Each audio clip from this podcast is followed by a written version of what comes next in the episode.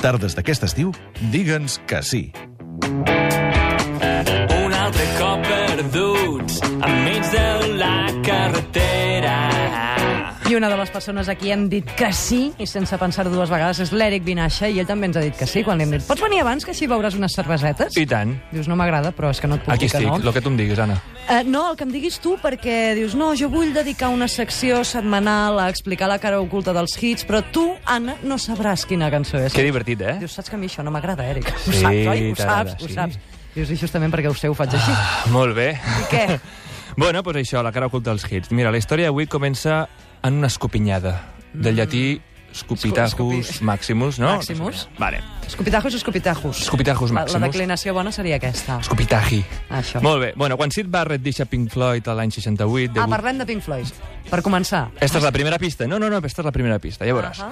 Quan deixa Pink Floyd, atenció, subratllem, a l'any 68, degut als seus problemes mentals i a l'abús de drogues, que és un còctel molotov interessant, el senyor Roger Waters, potser la gent no el coneix, però és, és un puto geni, baixista, va agafar el lideratge del grup.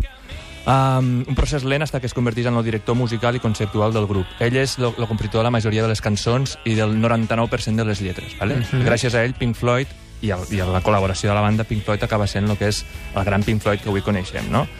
Um, arriba el disc Dark Side of the Moon, a l'any 73, això, això mateix, uau. Uau. I en allò, Pink Floyd... Et diria de posar-nos drets per parlar-ne, però llavors el micro ens quedaria No molt avall i no ens sentiria. Semblaríem com Núñez allí. Sí. Val. Uh, Dark Side of the Moon, allò és un èxit massiu, èxit mundial, i en aquell moment uh, el senyor Roger Waters li puja la fama al cap de manera espectacular. Encara no li ha baixat, eh? Encara no li ha baixat. No. Ell era, ja era un tio especial, és molt bon compositor, és un geni, no és un gran cantant ni un gran instrumentista, però conceptualment és, és una bèstia. Vale? Així que decideix seguir ell el seu camí i que els altres li facin cas. Trau el Wish You Were Here dos anys més tard. Mm. Uau, uau, un altre boom mundial. Sí. Sí, Sí. sense dubtar-ho, eh?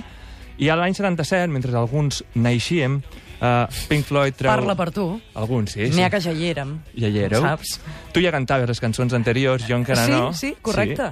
Em surt el disc Animals. Animals és un disc molt estrany, molt... Molt, molt, així, Molt tripós. mo- Sí, exactament. Un disc on el senyor Waters classifica les persones en tres categories. Porcs, que són els governants, molt actual això.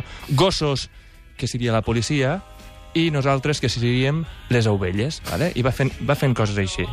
Um, en aquesta època, Waters no només composa, escriu, dirigeix, sinó que dissenya discos, les gires, tot. És a dir, cada cop és un tio més egòlatra, més dictador, més autoritari, més intransige- intransigent, i a més a més li comença a passar que s'agòbia amb les masses, cosa que quan, quan tens molta fama i tothom te va al darrere és algo una mica... Uh, És fes-t'ho mirar, noi. Exactament, sí senyor, va, va amb el pack. Ell vol passar desapercebut, només li interessen els seus conceptes musicals i ideològics i fa el que sigui per aconseguir-los. Si cal expulsar algú del grup, l'expulsa. S'expulsa, eh? i sí, prou. Sí. Això va passar més anys, anys més tard, eh? amb el senyor Richard Wright, el teclista. I la resta del grup, amenament, se veu obligat a seguir-lo degut a, a l'èxit brutal que estan tenint i la pressió discogràfica. Vale? Ja veiem lo, que la cosa no pinta molt bé, no? No, Anna? és un personatge que dius, ostres, noi, això pot acabar molt bé o molt malament. Vale, pensa que va arribar un punt en què, amb l'últim disc abans que Waters abandonés la banda, que ell presentava com Roger Waters i música interpretada per, Pink, per Pink Floyd. No Pink Floyd, sinó Roger Waters interpretat per Pink Floyd. Vale? Lleig, eh, això? Veiem el perfil del personatge, Sí, no? sí, sí. Vale, atenció, moment clau, moment escopinyada. Sí? Ah, sí, que tot venia d'aquí. De l'escopinyada. Durant la gira del disc Animals, en un concert al Canadà, Waters li fot una escopinyada a la cara a un fan, a la primera fila. Ah, no posar-se a primera fila, amics. Això no, pot passar. coses del directe, que diríem, no? Sabeu que, que el fan no prestava gaire atenció, molestava una mica i ell, zas, a, a tota la cara. I va encertar. Molt, molt gràfic, no? Mm. Vale. És en aquell moment on Waters comença a pensar que, que estaria bé construir un mur, atenció, segona pista, Pink Ah. Floyd, mur, per separar el públic de la banda. Crec que ja ho tinc. Vale? Només concerts amb música i efectes visuals, aïllats. I d'aquí neix la idea del següent àlbum, a l'any 79, que és The Wall, el mur, un àlbum i una pel·lícula. La pel·lícula va sortir posteriorment, però de fet reforça la idea del disc, no? És, és el mateix, no? Jo penso que ara ja els oients una miqueta ja ho tenen, no? Mm. Les pistes serien Pink Floyd, Pink Floyd, The Wall. The Wall, d'acord? Sí. Bueno, però si algú encara no ho té clar, sortim al carrer a buscar la pista definitiva. Later, later, later, later. Molen, eh, estos? Eh, Sí. Fins aquí puc, puc Qui són, qui són? Gent del carrer. Molt bé. Ímpetu. Bé, bé. Teacher. Bueno, el Més o teacher... menys, sí. Eh? don't need no education. We don't Sí. need no laws. No. Bueno, Mind control. sí. Ara me'n recordo. Hey, teacher, leave the kids alone. Molt bé. Sí, senyor. All in all, it's just a break in the wall. Hey, teacher, leave them kids alone. Molt bé. Veiem les parts. Atenció a este, eh?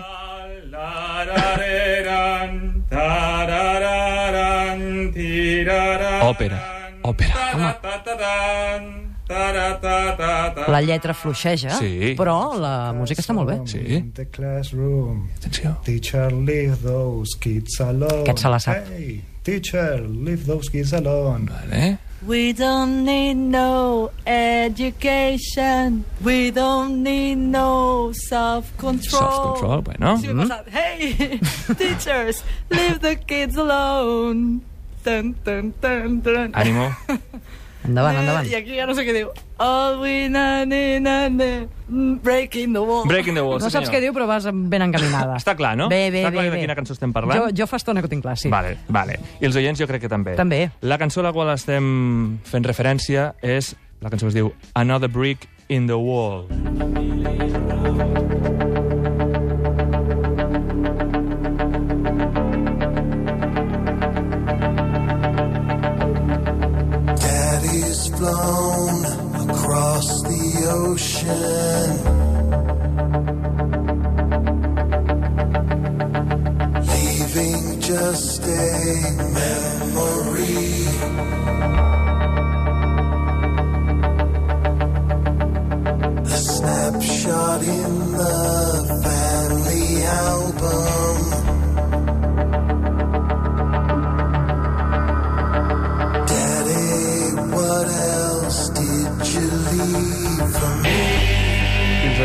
Pensar... S'han equivocat. La recordava diferent, Sí. no? De Efectivament. l'ha- l'han cantat diferent. Efectivament. Bueno, Another Brick in the Wall té tres parts i acabem de sentir la primera. Són tres versions diferents que parlen de coses diferents. Per què? Això passa perquè The Wall, el disco, és una òpera rock, un disco conceptual.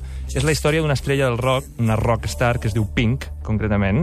De nom i Floyd de Ah, cognom. exactament. I que, degut als seus traumes i frustracions múltiples, s'acaba aïllant del món. Cada frustració i cada trauma se simbolitza amb un totxo i tots els totxos formen una paret, un mur. El mur que el va aïllant del món. I d'aquí ve la simbologia, el mur que van, que van posant en directe durant tots els seus concerts. O sigui, atenció, a partir d'un concert, el senyor Waters treu la idea de posar un mur entre la banda i el públic i ho acaba fent amb tota la simbologia que acabo d'explicar i el públic ha entregat brutal, no? Mm, molta gent es pensava que això era una crítica al mur de Berlín, no, No, a tants no. murs eh, que separen No, pobles i no. ciutats, i no. De fet, la primera part d'esta cançó, el que està sonant ara, parla dels traumes que arrossega Pink, el protagonista, degut a la mort de son pare durant la Segona Guerra Mundial, igual que Roger Waters, eh, que va perdre son pare en la Segona Guerra Mundial. Però realment, el hit d'avui, el que mos interessa, uh, el moment en què tots els oients estaven esperant des de casa, nena, posa la veu, posa la ràdio Posa, més alta. posa. Senyors i senyors, ladies and gentlemen, Puja. boys and girls, la segona part de Another Brick in the Wall, que és aquesta aquí, sentiuem-nos, volumen. We don't need no education.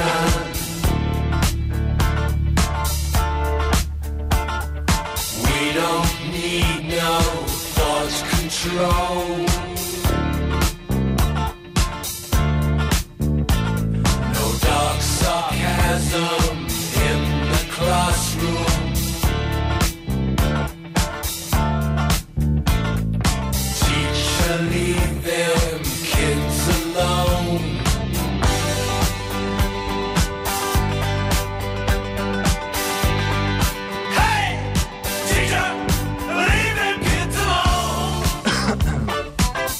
Quadrat la tos i tot, nois.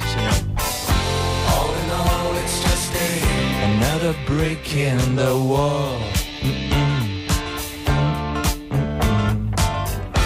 all in all, it's just a Another brick in the wall. Brutal, eh? I ara què passa? Entren, entren ells. Uah, espectacular, eh? Sí, sí, sí. Se t'ha posat la pell de gallina, ho veus? Ho he, no, no és que ho vegis, que ho noto, sí. Ah, no, sí, sí. Impressionant. és, bueno, que, per, és que són molts anys escoltant aquest disc, eh? És un hit, és un Molts, hit. tota És- la vida, gairebé. Eh? bueno, per, per a que us feu una, una idea, Pink Floyd no treia singles, només un parell de cops n'havia tret. Era una banda d'àlbums, no volien fragmentar, fragmentar la seva obra, no volien descontextualitzar, no? Però la discogràfica, al sentir això, va dir ei, això ho hem de treure 15 dies abans. És que... I què va passar? Número 1 mundial automàticament. Clar. La part del cor dels nens, que és mítica, és mítica, que fa una mica de por quan ets petitet, no? Hòstia, els nens, a mi em donava com respecte. A mi eh? m'agradava molt. Sí? Em feia com, Sí. com llullo.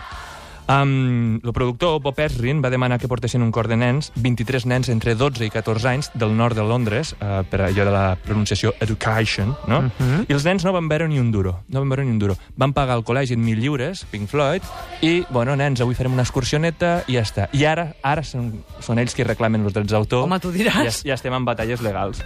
Però, però què diu la cançó? Sortim al carrer a veure si la gent va molt desencaminada o no.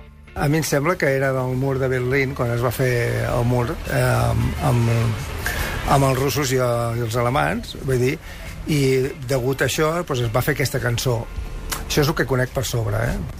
La veritat és que no l'he escoltat gaire, però, bueno, alguna cosa sobre l'educació, sobre la societat i reivindicació, sobretot. Jo crec que va sobre el maltractament, tot el que tenen que suportar els alumnes quan un professor els, els, els opressiona o, el, o els maltracta.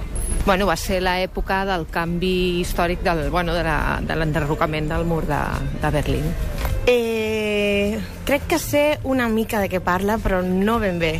Eh, pot ser que sigui algo de... que no necessitem pas educació ni algo de l'estil, però més enllà no. Em sona que va sobre el tema dels, dels mestres i, del, i de la, el que la societat fa pues, a les persones, no? amb el tema pues, de que li treu la, la llibertat i que ens ensenyen a ser pues, uns ladrillos a, a la societat, no? que ens ensenyen pues, a produir, ens ensenyen a ser el que volen, el que, que som els de dalt. De trencar les normes, saltar-se els, eh, els establishments, es caga amb l'educació. Home, jo la situé més o menys en un context d'un govern autoritari, no? de fer una lluita contra contra el mur que suposa doncs, les, les imposicions o un govern que només, només te deixa fer allò que ells volen i qualsevol dissidència és ràpidament reprimida. Mhm. Exactament. Aquí no hi ha Exactament. respostes... En... Bé, sí, anava a dir, no n'hi ha d'encertades ni de... Però sí, n'hi ha que són errònies. Exacte, vull dir, la gent ho associa molt al mur perquè, Sí. perquè bueno, la cançó, al caure al mur, la van posar moltes vegades. No? No, i que quan va caure el mur es va fer un gran concert justament a la Exacte. porta de Brandenburg. Amb... Sí, clar. De fet, la cançó és una crítica a l'educació britànica de la postguerra, nens educats per gent autoritària que l'únic que pretenien era mantenir l'ordre i la disciplina en lloc d'ensenyar, o sigui, l'atmosfera militar de l'època impregnada sobre els nens, i els nens, òbviament, se rebel·laven, no?, el sistema dictatorial. La cançó diu no necessitem la vostra educació, no necessitem que controleu els nostres pensaments, no volem sarcasmes obscurs a les classes, professors, si us plou, deixeu els, els, Nens els nens en pau, tot plegat, no sou més que un altre totxo a la paret, no? Uh -huh. És el que diríem educastració, no sé si existeix el concepte, si no Sí, si l'acabem no, l'acabem d'inventar. de crear, sí. I és això, l'han fet servir com a himne doncs, a Sud-àfrica, durant la caiguda del mur, contra la Thatcher. Bueno, ja haurem pogut intuir una miqueta que la història de The Wall és la història de Waters, sí o no? És Sí. Una projecció. Sí. Uh, The Wall parla, se parla de la guerra, son pare va morir, i el van marcar molt també, de la conseqüent sobreprotecció materna i les inseguretats que això genera, de l'educació infantil, com en esta cançó, Mhm. uh, dels fracassos sentimentals, Waters s'acabava de separar, de la bogeria, ell i Sid Barrett, de la violència policial, tema molt vigent, etc etc. Escoltem un altre tema del disco, un altre totxo? Oh, tant. Sí, una de les meves favorites, Mother. Mother, do you think they'll drop the bomb?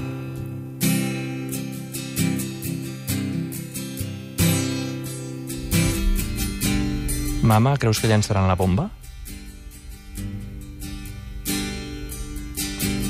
Mother, do you think they'll like this song? Creus que els agradarà esta cançó? Sobre protecció, eh?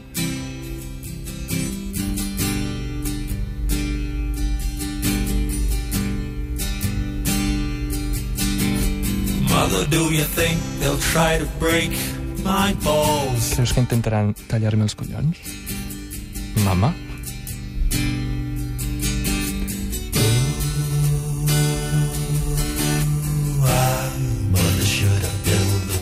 Mai de construir un mur. Hauria de construir un mur, mare. Brutal. Bueno, i si veieu la pel·lícula encara flipareu més. Vull dir, Sí. Si teniu coratge, predisposició, un parell de camamilles extras per aguantar-la, no sé si l'has vist, Eh, Vàries vegades. diverses vegades. Però reconec que s'ha de ser molt fan d'aquest disc per, fan. per aguantar-la sencera.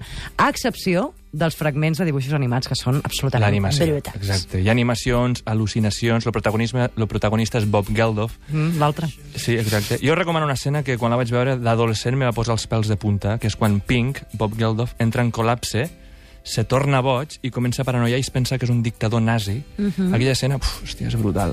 Mm -hmm. Es comença a afaitar, no? Sí, sí, sí. sí. Coses que no s'afaiten normalment. Sí, tot, exacte, sí. Pues busqueu la, la, la cançó es diu In the Flesh i és, és, és brutal. Bueno, per acabar, m'agradaria posar l'altra joia del disc, per mi. Curiosament, la música és de David Gilmour, el guitarrista Mhm. brillant, i parla del moment en què arriben els metges per fer tornar a la realitat al senyor Pink. Lo solo de guitarra està considerat com el millor solo de guitarra de la història, molt agosarat. Uf, això és dir molt, eh? Sí, sí, però està votat entre els 10 millors solos i hi ha gent que diu que és el millor, eh?